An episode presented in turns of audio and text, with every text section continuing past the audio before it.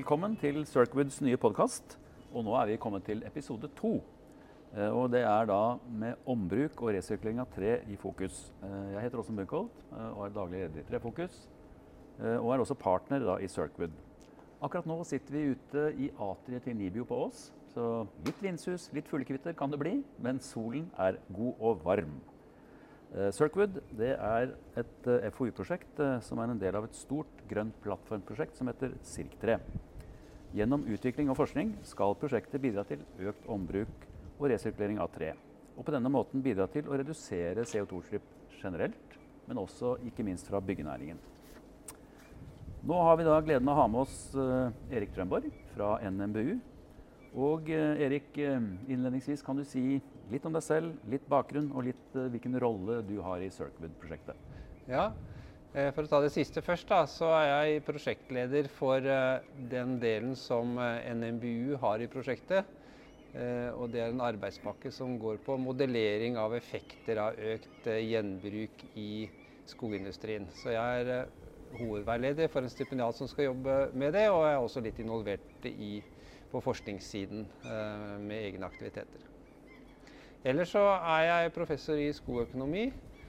Jeg har jobbet med ulike deler av skogsektoren. Nokså mye bioenergi, koblingen mellom skogsektor og energisektoren. Og er også engasjert i problemstillingen fordi jeg sitter i Klimautvalget 2050 som regjeringen oppnevnte for å se på hvordan vi skal bli et utslippsfritt samfunn frem mot 2050. Og det er jo krevende, men dette her er jo relevant og og interessant i forhold til den litt større problemstillingen. Bare for å gripe fatt i det med modellering, som jo du har drevet med i mange mange år.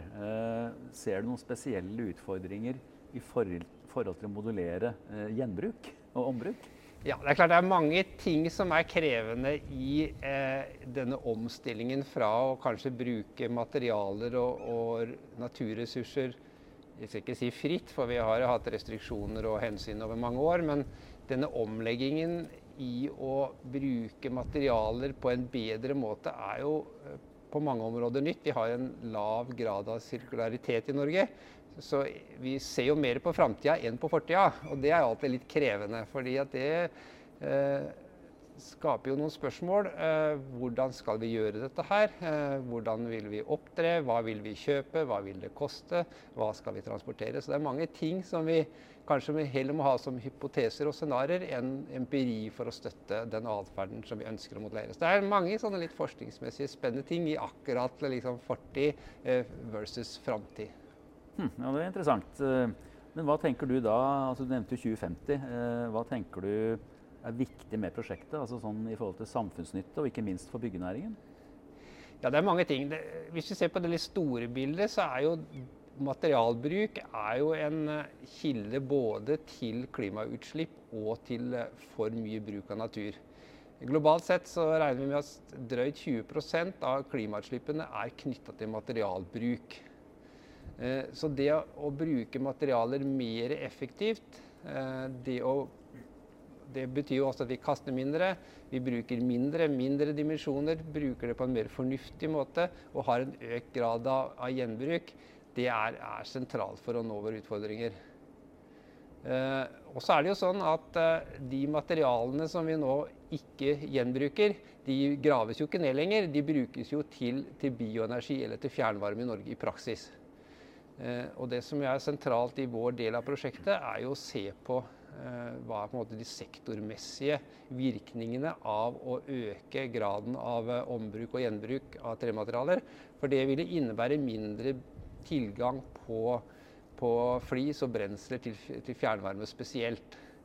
Og da må vi ikke komme i den situasjonen at vi kanskje liksom øker hogsten for å, å nyte nye materialer for å produsere varme, for å, liksom, å øke gjenbruket på andre sida. Alt henger sammen med alt, og det å se på liksom, de samla effektene er, er viktig. Ja, Det høres ut som litt kompleks, et komplekst opplegg, for å si det mildt. Men sånn for din egen del, hva betyr prosjektet for deg? Altså, tenker ikke nødvendigvis personlig, men mer sånn kunnskapsmessig osv.? Jeg syns dette er en interessant case fordi at den illustrerer som sagt, litt, litt de store omveltningene som vi er avhengig av i samfunnet. Og så går vi på en måte inn i en sektor, et område, og tester på en måte ut hva, kan, hva er nødvendig. Både sånn rent praktisk, hvordan skal vi sortere, hvordan skal vi merke, hvordan skal vi organisere eh, byggeplasser, rivningsaktiviteter. Eh, hvilke virkemidler har vi tilgjengelig? Vi vet jo at vi må dyttes. Vi vil helst eh, Menneskene er jo litt sånn at vi helst vil gjøre sånn vi har gjort det. Eh, hva skal til for å liksom endre atferden? Hvor mye restriksjoner, lovverk, forskrifter, avgifter? Skal det bli dyrt å, å, å, å levere avfall til, til gjenvinning? Eh, skal det være krav om en viss andel brukte materialer? Hvordan skal vi gjøre dette? Hva er måte, fornuftige løsninger for å få til de samla gode tingene? Da? Nå har du i og for seg berørt eh, noe av det jeg tenkte jeg skulle spørre om. Eh, fordi det er jo da nettopp hvor er de største utfordringene, eller hva er de største utfordringene i forhold til ombruk av tre? Ja, det er jo det vi er. Vi er jo på en måte midt inni det, så vi har vel ikke tusen svar enda, men men det er klart at det, det, som er viktig i denne skogsektoren, er at det er et ganske rommelig marked. Det å transportere materialer og tømmer er en ganske stor del av de samla kostnadene. Og vi vet at skogen er jo der ute i distriktene. Og så bor folk ganske, des, ganske sentralt. Så, hvor kommer ressursene fra? Hvor bygges det? Hvor rives det?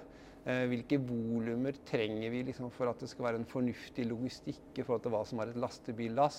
Eh, hvor mye skal vi liksom dille med ting før vi heller bør brenne det? Liksom. Så det er noe med kostnader, det er noe med volum, det har noe med lokalitet å gjøre, det har noe med organisering, det har noe med kvalitet. Det er liksom mange ting som, uh, som vi skal belyse. Så den, liksom, den tverrfagligheten er, uh, syns jeg er spennende å se ting på tvers. Det er jo, vi er jo liksom kjent for her ute på oss at vi prøver å være litt gode på alt. ja. ja, jeg tror nok det er en viktig, er en viktig nøkkel uh, inn i forståelsen av dette. Men i forhold til da aktørbildet, eh, ser du, er det noen nøkkelaktører her? I forhold til å på en måte få økt denne ombruken?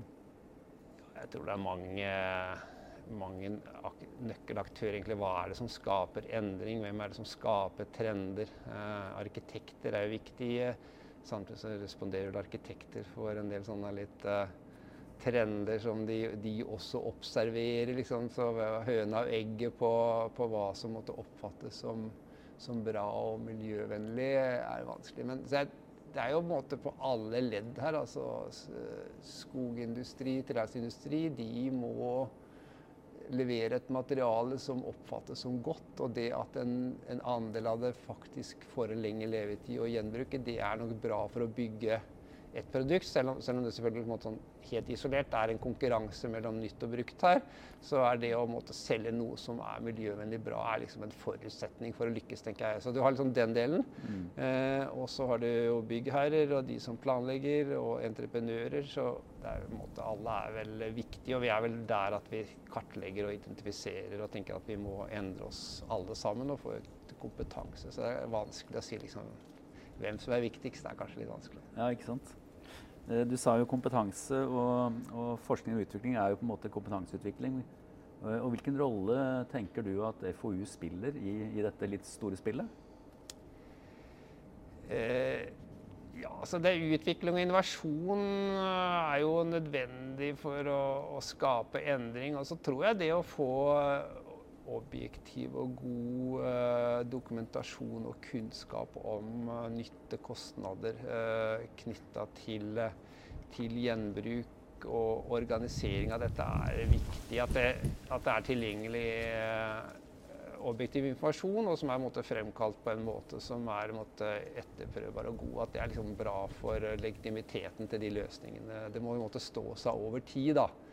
Eh, så sånn sett så, så er vel måte hele liksom, spekteret fra nye ideer og innovasjon og utvikling til mer sånn forskning, basisforskning om du vil. Det er, jeg, det er ikke noe konkurranse, men det er deler av, av samme side, kanskje. Mm. Men sånn, hvis vi borer litt mer i kunnskap, uh, har du noen synspunkter eller refleksjoner rundt uh, hvor er kunnskapsbehovet størst? Nei, det det vet jeg egentlig ikke. Jeg, jeg tror liksom de, både de samla effektene og de mer sånn materialtekniske, praktiske sidene er viktige. Altså, så vanskelig for meg Jeg tenker vi må gjøre en god jobb på vår bit, og så får han gjøre en god jobb på sin bit. Den rangeringen der jeg, slipper jeg å ta. Jo da, nei, jeg skjønner at det er vanskelig. Eh, nå har vi vært innom mye, men eh, et siste spørsmål. Eh, hvis du ut fra det du da vet eh, altså Jeg skjønner at ikke du vet alt enda. Er det, noen, er det, noen, aktører som trenger mer kunnskap enn andre, sånn som du bedømmer det? Eller er det likt, det òg? Jeg, jeg, tror både, både, de politiske myndighetene som skal legge nye premisser for samfunnsutviklingen, at de trenger god kunnskap for å ta litt tøffe valg. Det tror jeg er viktig. Eh, og så er det klart at hele denne byggeindustrien med alle de aktørene som er der, eh, må være på leit etter, eh, etter gode løsninger. For hvis vi skal ta måtte, klimaendringene på alvor og, og, stå for våre forpliktelser, så, så, blir det ganske store endringer i hvordan vi organiserer ting. Altså, det er bare egentlig å kjøre på, og da må vi tenke nytt. Da, og da trenger vi kunnskap. Da har du nesten foregrepet litt, for jeg tenkte bare invitere deg til å komme med noen sånne avsluttende betraktninger. Eh, altså det, vi har berørt en god del faktorer og elementer nå, men er det andre ting du tenker er viktig å formidle?